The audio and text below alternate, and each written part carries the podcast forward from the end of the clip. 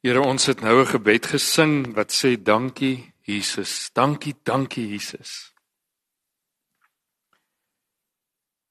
En ek besef maar net weer ver oggend die ongelooflike voorreg wat ons het om 'n God te kan aanbid wat ons so laat reageer met dankbaarheid. Dat U nie 'n God is waaroor ons moet kla ver oggend nie. Dat ons nie ver oggend hoef te skinder omdat ons kwaad is vir ons God nie. Dat ons nie ver oggend hoef te toi toi of te rebelleer oor wie U is nie. maar dat ons ver oggend as 'n gemeente saam kan sê dankie. Dat ons lofliedere kan sing. Omdat U dit waardig is. Omdat U dit verdien om ons lof te ontvang, ons dank te ontvang. En dit is omdat U so 'n onbeskryflike goeie God is. Vol genade, vol liefde vol beskerming, vrede en heerlikheid.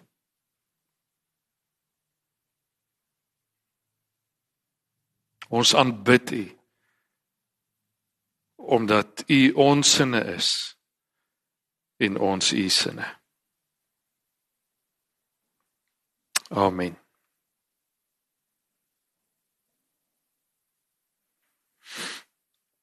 Daar's een ding wat 'n prediker of 'n dominee verskriklik vrees. En dit is dat jy deur die week 'n preek voorberei en dat die Here Saterdagmiddag vir jou sê change of plan. En dit het toe nou met my gebeur gister. So my voorbereiding was om te praat oor leef ek ter wille van God of leef God ter wille van my?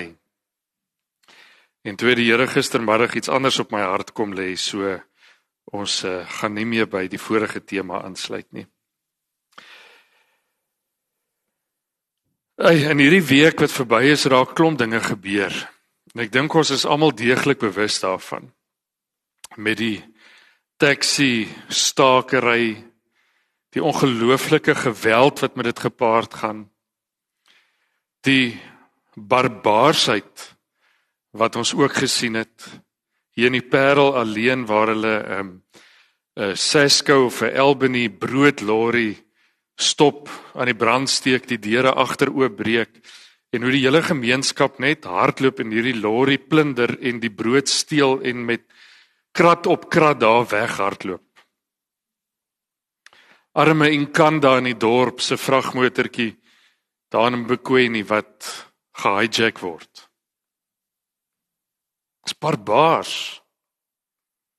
Dis onnodig. Mense wat in hierdie week net as gevolg van hierdie geweld hulle lewens verloor het. Hulle werke gaan verloor. Dink aan die hoeveelheid skade wat ons beleef het in ons mooi dorpe, in ons ekonomie, in ons verhoudings met mekaar.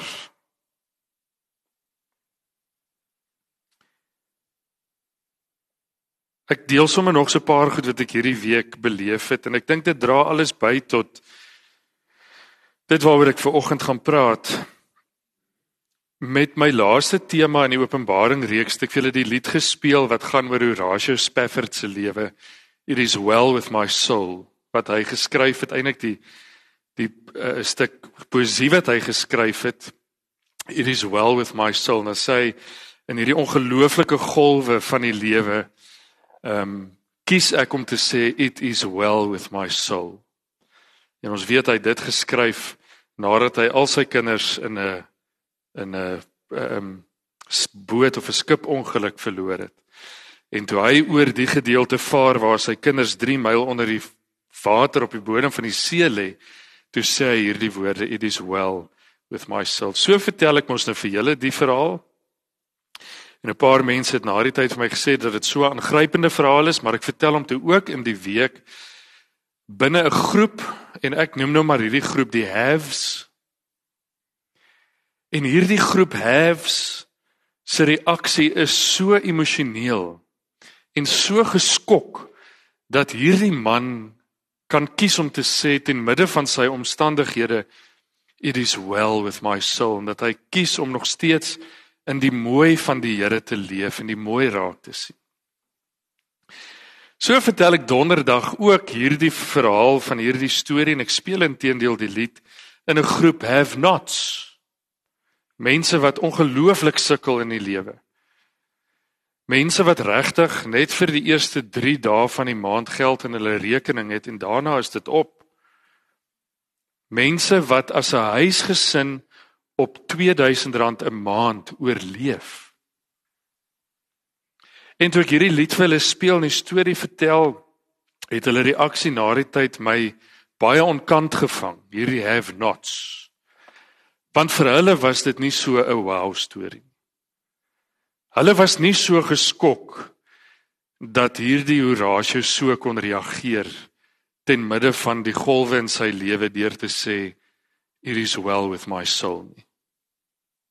Want ek dink hulle is permanent in hulle lewe in een of ander groot storm, al is dit net 'n storm van armoede en tog leef hulle al hulle lewe lank met hierdie teologie van it is well with my soul. Aanbid hulle nog steeds die Here met soveel blydskap en oorgawe.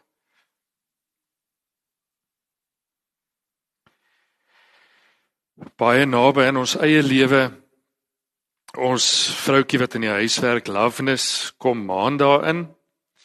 Maar toe daar ruk terug 'n dag gebeur of 'n week gebeur wat sy nie kon inkom nie en hulle sê toe die maatskappy waardeur ons haar kry, maar sy kan dan net 'n ander week twee keer inkom. So reël ons dat sy toe nou hierdie week Vrydag inkom. En donderdag toe hierdie taxi geweld losbreek veral in Mbekwene waar dit verskriklik, dit was 'n oorlogsone en loveness bly in Mbekwene. Laat weet ons vir die maatskappy, moenie dat loveness kom nie. Sy hoef nie te kom nie. Ons verstaan 100%. Dit is vir haar eie veiligheid. Los haar dat sy by die huis bly. So kom Vrydagoggend en ek en Nadia besluit maar ons gaan lekker gaan stap hier in die berg. Loveness gaan nie kom nie, so ons hoef nie vir haar te wag nie. En toe ons by die huis kom, dis Loveness in die kombuis besig om skorrelgoed te was het sy gekies om ten spyte van die gevaar en ten spyte van die situasie nog steeds werk toe te kom. Ons tuinman Kerneels het gister my voete onder my uitgeslaan. Hy bly teen die berg in Lentjiedok. Julle weet waar dit is, net voor Peniel draai jy daar by Bosendal af en ry jy daar in die in die woonbuurt en nou hy bly heel heel agter. So gewoonlik kom hy met 'n taxi Saterdagoggende werk toe en dan in die middag vat ons hom terug huis toe. Dis ver. En gisteroggend half 7 besef ek maar hoorie Kerneels gaan ook nie kom nie, maar ek moet net vir hom bel en vir hom sê hoorie dis oukei okay as jy nie kom nie. Ek's nie vir jou kwaad nie, want daar is nie taksies wat loop nie. So daar's geen manier dat hy gaan kom nie. En Kerneels sê nee wat, ek is nou by jou. Ek sê maar wie gaan jou bring? Hy sê nee, ek het nou net hier verby Agrimark se garage gekom. Ek sê met 'n taxi. Hy sê nee met die toon. Toe hy van sy huis af gisteroggend 4uur geloop om net voor 7 by ons huis te wees vir R250. Maar hy het 'n keuse gemaak.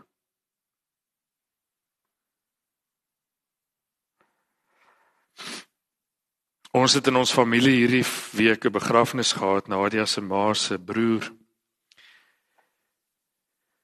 En die predikant en Louis Trigard wat dit aangebied het, het gepraat oor die lewe. En dat 'n mens kan lewe sonder om te leef. En die hele dienste toe daaroor gegaan eintlik dat oom Johan gelewe het, ja, maar dat hy ook gekies het om in die lewe te leef. Voluit. Ek het in hierdie week iemand beleef en met iemand gepraat wat iemand anders vergewe het waar dit vir my gevoel het, jong, jy moet dan baie volwasse wees om in hierdie situasie vergifnis toe te pas. Maar het gekies om dit te doen. Ek het in hierdie week met iemand te doen gehad wat ook 'n have not is wat elke aand uit 'n uit 'n emmertjie bad maar wat soveel lewensvreugde het, dit lyk of sy die lotto gewen het. En toe moet ek gister ook 'n keuse maak. Gisteroggend is daar 'n begrafnis in ons kerkgebou, staatsbegrafnis van 'n 'n weermaglid. Baie baie groot begrafnis, kerk was propvol. En dit sou 10uur begin. So half 10 is ek toe nou hier om die klankvulle reg te kry en alles. Oom Johannes al, weet nie hoe laat was oom hier nie, half 9, 8 uur half 9. En alles loop mooi, die klank is reg. Kerk sit vol mense, die kapelaan sit daarbo, hier's 'n ander dominee. Die kus staan net hierso, hierso's blomme. Dis eintlik chaos in die diens. En ek staan daar agter by die deur net om seker te maak die klank klink reg. En die begrafnis begin nogal 2 minute voor 10. Ek's baie beïndruk. Staatsbegrafnis wat 2 minute voor die tyd begin. En alles loop mooi en 10 oor 10 terwyl die dominee bid aan die begin van die diens trek haar ouma my mou met 'n laptop nee hy wil later in die diens 'n PowerPoint wys dat die van julle wat my ken sal weet dat discovery op daai oomblik vir my punte afgetrek het vir my bloeddruk van die vet weet Hoe moet ek nou terwyl hierdie dominee bid hier om die kus en die blomme sukkel om die rekenaar hier voor in te kry? En daar besef ek nou het ek ook 'n keuse. Ek kan in my hande in die lug sit en vir hom sê luister dit is 10 oor 10 die diens is aan die gang. Sorry. Dis nou maar so. Of ek kan sê wel okay ek vat nou maar die punch en ek kom doen dit. En ek gaan baie eerlik wees. Dit het baie van my gevat om tog maar die laptop te vat en te kom opstel. Op die ouend het dit in elk geval nie gewerk nie. Die reek die projekter wou nie die rekenaar optel nie, maar nietemin. Dit wat ek in my hart gevoel het op daai stadium toe hy die rekenaar vir my bring en die die die belewenis van ek het nou in hierdie situasie 'n keuse het my eintlik ontstel. En ek weet nie hoekom nie. Miskien was dit omdat ek sommer net smoor kwaad was omdat jy nou eers hier opdaag en jou probleem nou my probleem maak. Maar toe ek ver oggend in die stort besef wat my so geweldig ontstel het. Wat my ontstel het is die feit dat ek in my lewe in elke lewenssituasie tog 'n keuse het, net soos wat ek daar gehad het. En dat ek hoeveel keer in my lewe al in daardie oomblik verkeerd gekies het. En ek het ver oggend in die stort teruggedink oor hoeveel kere in my lewe wat ek nou pertinent sekere gebeure kan onthou waar ek verkeerd gekies het en die effek daarvan, die simptoom daarvan so lelik onnodig lelik uitgedraai het. Waar as ek dit kon regkry om in al daai situasies net 'n oomblik te vat en anders te kon kies, sou dinge baie anders gewees het.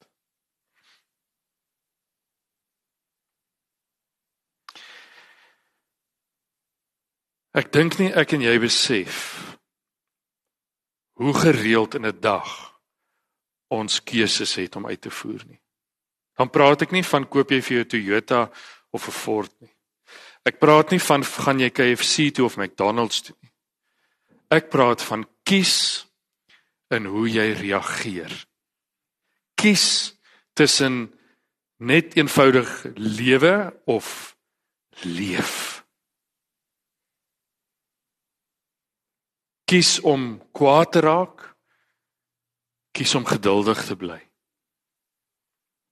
kies om saggies te antwoord sodat die woede bedaar of kies om jou vuiste saam te trek Jy sien die ding is wanneer ek en jy gekonfronteer word met 'n keuse tussen reg en verkeerd, is dit eintlik relatief eenvoudig. Ons kies maklik die regte ding om te doen. Wanneer jy ver oggend in hierdie kerkgebou inkom en jy lê 'n nice iPhone hier voor en jy staan met die keuse gaan ek hom in my sak druk of gaan ek hom inhandig, is dit redelik eenvoudig. Jy gaan hom inhandig want ons het almal 'n goeie gesonde morele kompas. En ek laat my nie sommer vertel dat daar regtig mense in hierdie wêreld is wat nie weet wat die verskil tussen reg en verkeerd is nie. Dis die een ding van Orania, die dorpie Orania waaroor ek mal is. Hulle lese, hulle filosofie is doen net die regte ding. Ek love it. Want ons weet wat die regte ding is. Ons moet dit net doen. So wanneer ons moet kies tussen reg en verkeerd, is dit eintlik eenvoudig. That's a easy choice to make. Die moeiliker keuses in die lewe is is wanneer dit nie so eenvoudig is soos reg of verkeerd nie. Wanneer dit nie so wit en swart is, warm en koud uiterstes nie. Maar wanneer dit hier in die middel in die grys area rond beweeg wanneer ons 'n keuse moet maak, wat dit vir ons moeilik is. Wanneer ek moet kies, hoe gaan ek reageer wanneer daai man die laptop na my toe aanstoot?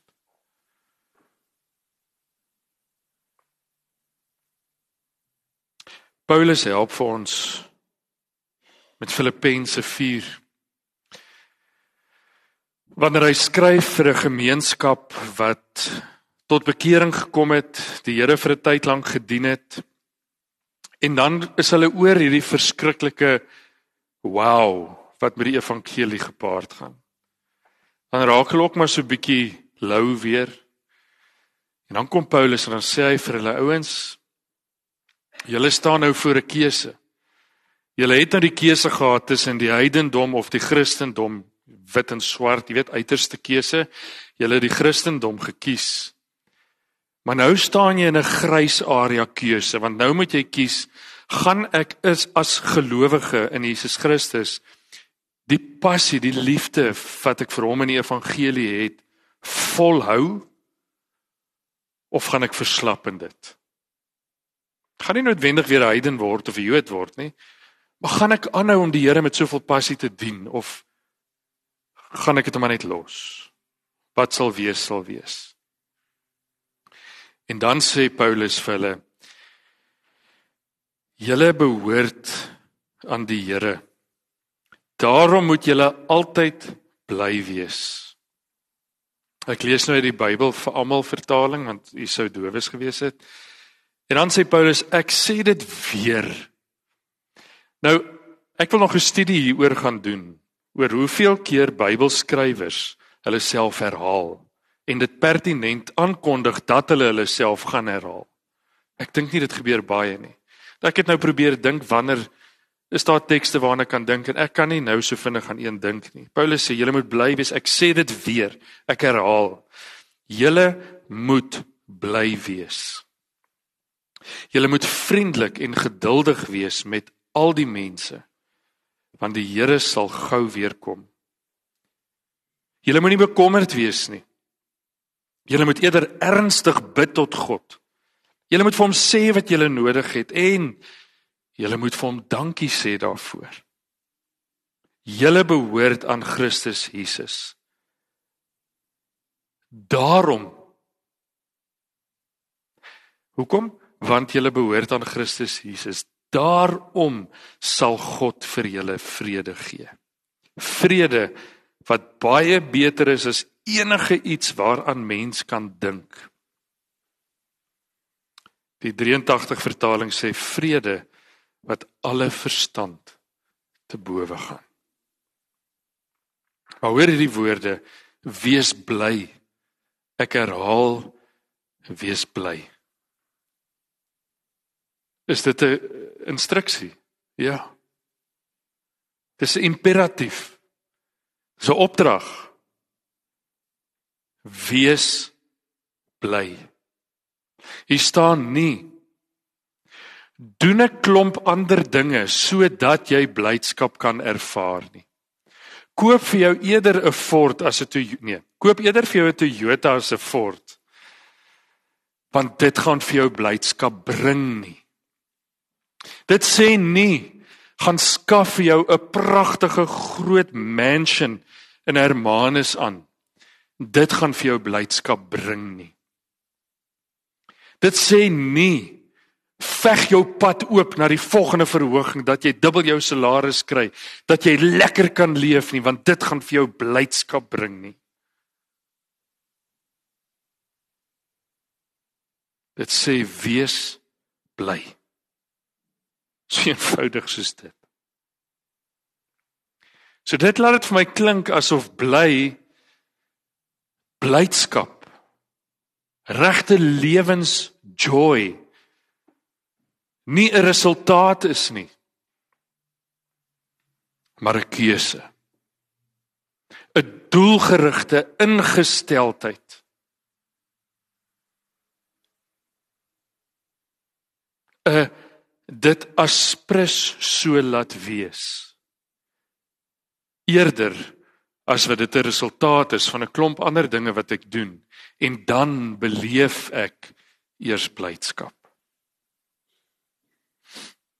Die wortel hier bly keuse. Nou dis my so mooi. As jy na die Grieks gaan kyk van blydskap, gairo is die wortel van die woordjie gar. En dit beteken om oor te leun na die gunstige. Is dit iets wat met my gebeur?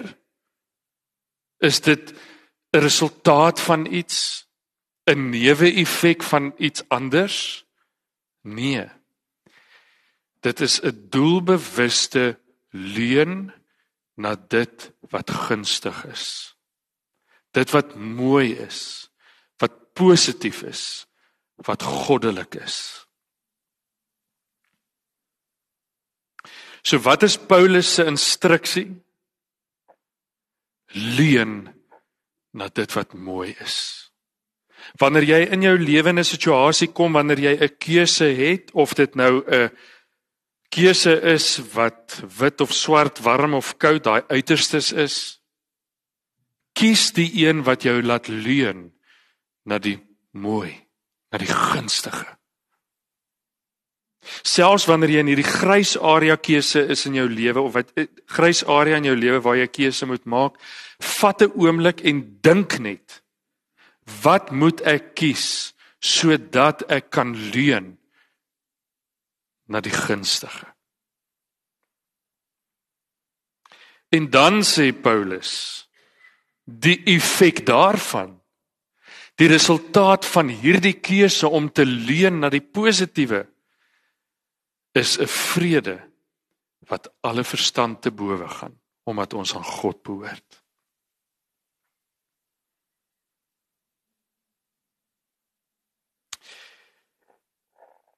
Johannes 10 sê die Here self 'n dief kom om te steel, te slag en uit te roei, maar ek het gekom sodat jy lewe kan hê. Nie die alledaagse lewe sommer so lewe nie, maar die lewe in oorvloed. In abundance.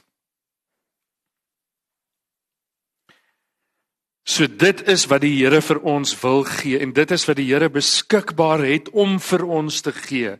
Hierdie vrede, amper sê hierdie lewe, hierdie joy wat alle verstand te bowe gaan, maar dan het ek en jy 'n keuse om uit te voer. En dit is om te kies om te leun na die gunstigste. Ons moet kies om bly te wees. Dit gaan nie net gebeur nie. Vir my en ek weet daar's baie mense wat dit saam met my beleef is een van die hartseerste goed in die lewe is 'n mens wat kies om ongelukkig te wees. Ek wil nou iets sê maar nou wil ek dit nou op 'n mooi manier sê. Nou wil ek eintlik sê die jong mense sê, maar dan besef ek ek is ook 'n jong mens. So hoor my nou maar net mooi. Daar's 'n verskriklike lelike mooi Engelse woord.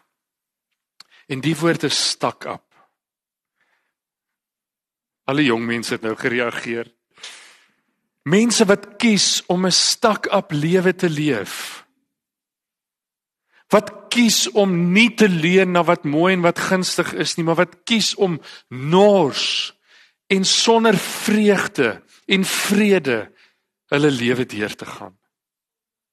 Onvergenoegd. Dit is een van die dinge in die lewe wat my die hartseerste maak.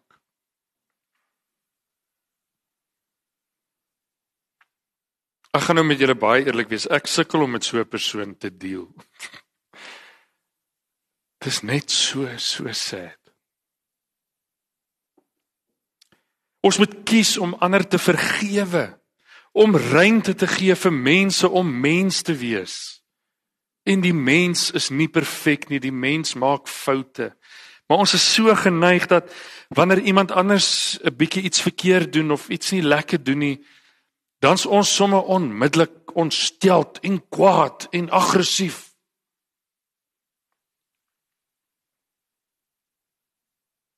Ek het genade net so nodig soos daai persoon en daai persoon het genade net so nodig soos wat ek dit het. Ons moet kies om mense toe te laat om foute te maak. Ons moet kies om oukei te wees daarmee dat mense tekortskiet.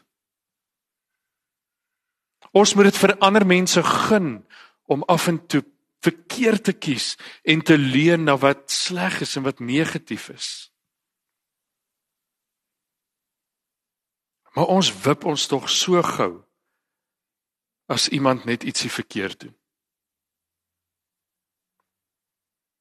Wat is die effek daarvan? Ons laat toe dat daardie persoon ons joy steel.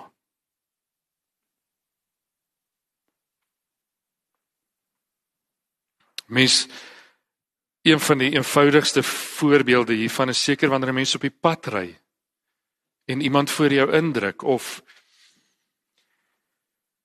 die ou by die robot nie vinnig genoeg pad gee voor jou wanneer die lig groen geslaan het nie. Ons is so vinnig om op ons perdjie te klim en te skree en hier in die onderkant van die stuurwiel tekens te wys want jy wil tog nie iemand anders moet jou sien nie. Maar dan kies ons eintlik om daardie persoon toe te laat sonder dat hy dit weet om ons joy te steel. Ons moet kies om God te vertrou. En dis nie maklik altyd nie. Boeta, dis moeilik. Vir my is dit moeilik om sekere lere te vertrou. Ek klim nie sommer op enige leer op nie, maar ek kan ten minste die leer sien. Ek kan dan nie leer vat. Nou moet ek God met 'n moeilike ding in my lewe vertrou, maar ek kan hom nie eers sien en dan hom vat nie baie moeiliker om hom partykeer te vertrou. Dit kom nie natuurlik nie. Baie keer kom dit nie vir my natuurlik om God in alles te vertrou nie.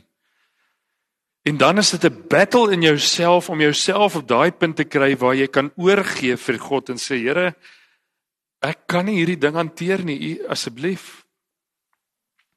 Maar ek moet 'n keuse maak om dit te doen. Ons moet kies om dankbaar te leef. Ons moet kies om te fokus op die koring wat wel opkom eerder as die deeltjies in die land waar die koring nie opgekom het nie. Ek loop saam met 'n pel van my daar iewers in die Vrystaat in 'n koringland. En ek is so beïndruk met hierdie ongelooflike mooi koring wat so 20 cm hoog staan. Dis mooi. Daar's my min dinge so mooi soos 'n 'n nuwe koringaar wat uitkom. En is so mooi want dit is hierdie groen land met die spulpunt wat anders wat sulke reënboom maak. Dis beautiful. En alwaaroor hy aangaan is oor die dele waar Simon met die stroper, ag met die planter gemis het. En dis hier en daar 'n kolletjie waar die koring nie opgekom het nie. So kies om die koring te sien wat opgekom het. Eerder as om te kies om te moan en te mor oor die deeltjies waaraan net grond is. Ek sê weer om te lewe, om gelukkig te lewe is 'n keuse. En dis 'n keuse in jou hand, niemand anders se hand nie.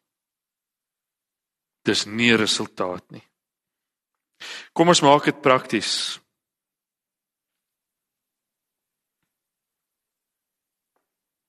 sien nou dat ek deur die middag en die aand gedink aan vanoggend en toe ek in die stort kom toe besef ek maar so wat Hoe maak 'n mens dit prakties? Hoe maak ek wanneer daar iets met my gebeur, wanneer ek in 'n situasie kom? Daar's twee opsies. In die eerste scenario of die eerste opsie is ek kan kies hoe ek hierop gaan reageer. So daar gebeur iets met my, is my eerste vraag, kan ek kies hoe ek hierop gaan reageer? Ja of nee? Paulus sê vir ons, kies dan jou reaksie sodat dit jou sal laat leun na die gunstige. Kies lewe, kies blydskap, kies vergifnis, kies dankbaarheid. Kies om die koring te sien in daardie keuse.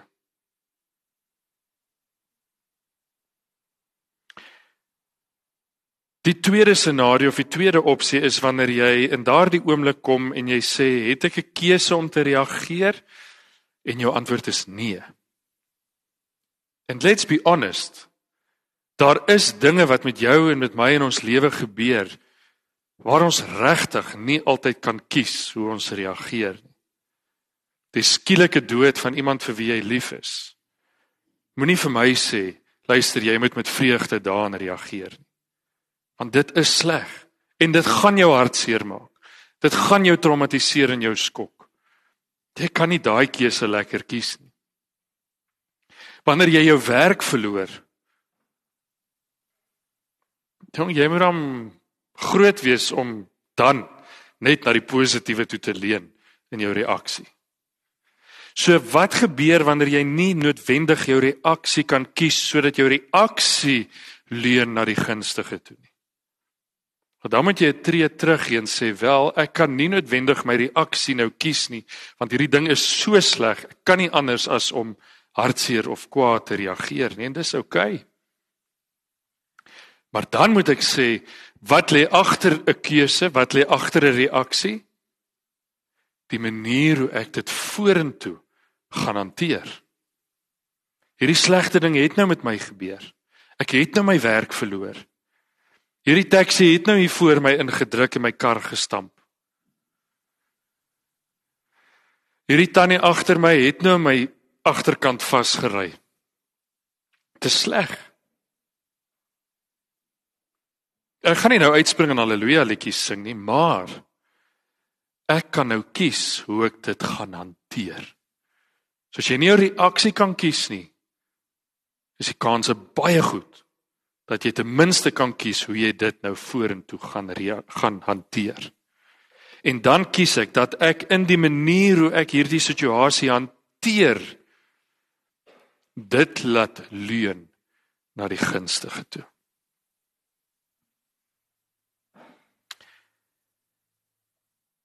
Ek verstaan dinge soos depressie. Ek verstaan dinge soos angs. Ek het begrip vir dinge soos geweldige armoede. Alleenheid, al daai tipe dinge. En ek het begrip daarvoor dat dit soms in 'n mens se lewe verskriklik moeilik is om te leun na die gunstige.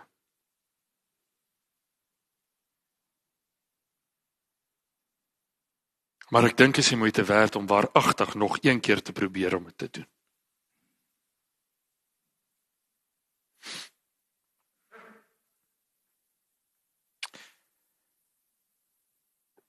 Die hoeveelheid vreugde joy wat jy in jou lewe het hang van jou af nie van jou huis of jou kar of jou inkomste of die tipe kos op jou tafel nie.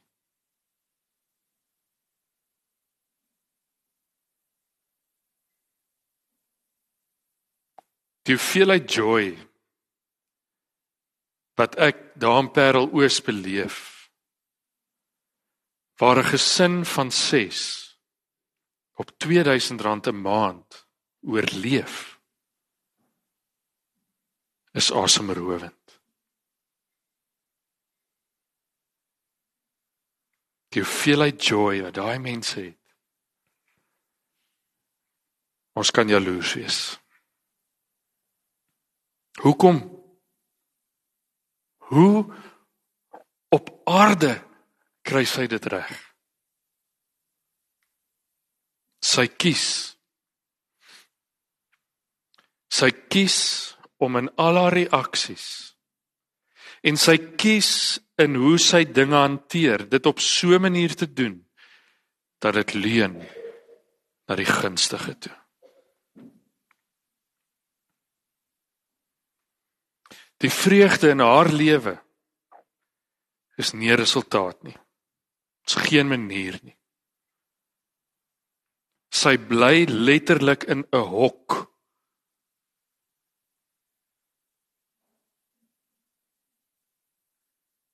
Kan nie resultaat wees nie. Moet 'n keuse wees. Ek sluit af.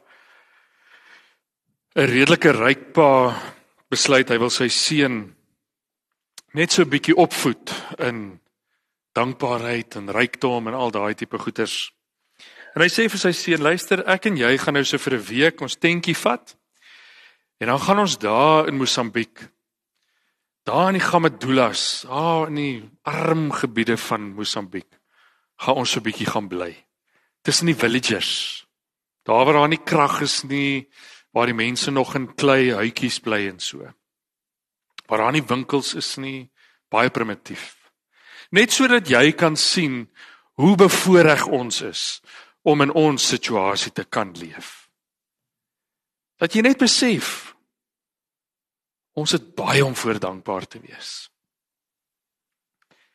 Net sodat jy kan besef dat wanneer ek sê ons kan nie nou vir jou daai hoverboard koop nie, is daar baie ander mense wat eintlik baie slegter af is as ons. Ons is eintlik ryk. 'n Mooi idee van 'n pa, né? So gaan hulle pa en seun met hulle tentjies Mosambiek toe. En hulle bly 'n week daar en op pad terug op daai lang stryds sê die pa vir sy seun, nou, "Hoorie, vertel my so 'n bietjie van jou ervaring. Hoe hoe was dit gewees?" Jy weet, hy wil dan nou kyk of sy les geslaag het. En die seun sê, "Jo pa, dit was 'n ongelooflike ervaring." O ja, hoekom was dit vir jou so ongelooflik? Wat het jy gesien? Wat het jy beleef? Seun sê wel, ons het 'n hond. Hy mens het 4 honde. Ons het 'n pragtige patio. Daai mense het 'n plek voor hulle huis wat strek tot teen die horison. Ons het 'n swembad. Hulle het 'n rivier wat voor hulle huis verbyloop wat nie 'n einde het nie. Ons het baie duur ligte in ons huis. Maar hulle het sterre. Baie meer as wat ons ligte het. Ons koop kos en ons koop lekker kos. Hulle groei hulle eie kos en dit kos hulle niks. Ons het 'n hoë heining om ons huis. Hulle het dit nie nodig nie want hulle beskerm mekaar.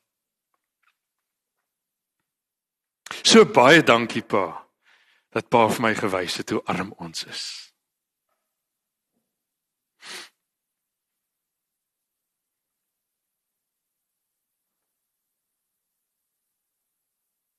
Here, ons wil arm wees. Maar ons wil joy hê.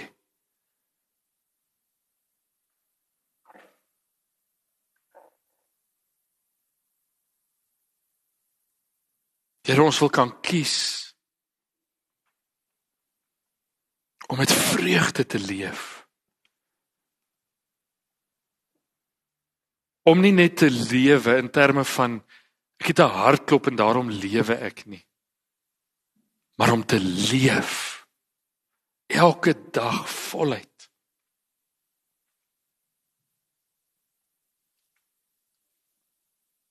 Ag Here, maar die wêreld is so morbied. Die wêreld is ook maar stakkap. So dis moeilik. En daarom kom ons maar vanoggend pleit by U dat U ons sal help om reg te kies. Dat ons in die die groot keuses waar dit regtig gaan oor reg en verkeerd reg sal kies, maar dit ons veral in hierdie kleiner grys area keuses net 'n oomblik sal vat en sê, hoe moet ek kies om te reageer? Hoe moet ek kies om hierdie situasie te hanteer sodat my keuse sal maak dat ek na die positiewe, die mooi, die gunstige te oorleun? Want dit is wat ons sal moet doen om regtig met vreugde te kan leef. Dankie Jesus.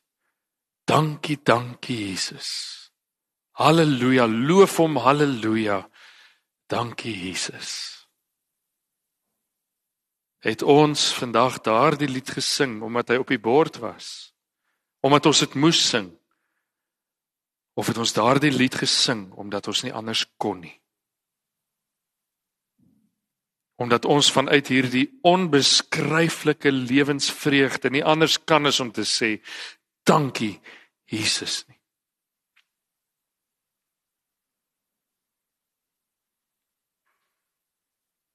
Here help my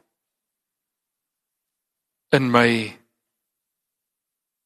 keuse maak skills. Om dit so in te oefen dat ek al hoe makliker outomaties amper sal kies in elke en enige lewenssituasie om bly te wees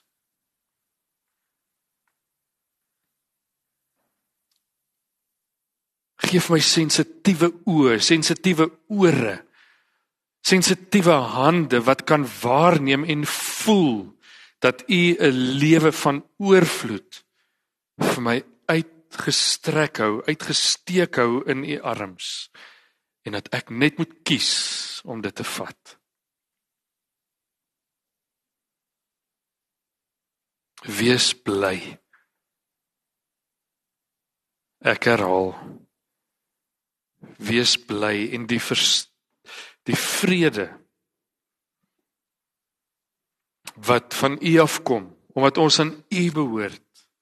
Hierdie vrede wat alle verstand te bowe gaan wat ons nie kan verstaan nie daai weird onbeskryflike asem wegslaan vreugde sal vir ons ons leefwyse word Dankie dat ons U daarvoor kan vertrou. In Jesus naam. Amen.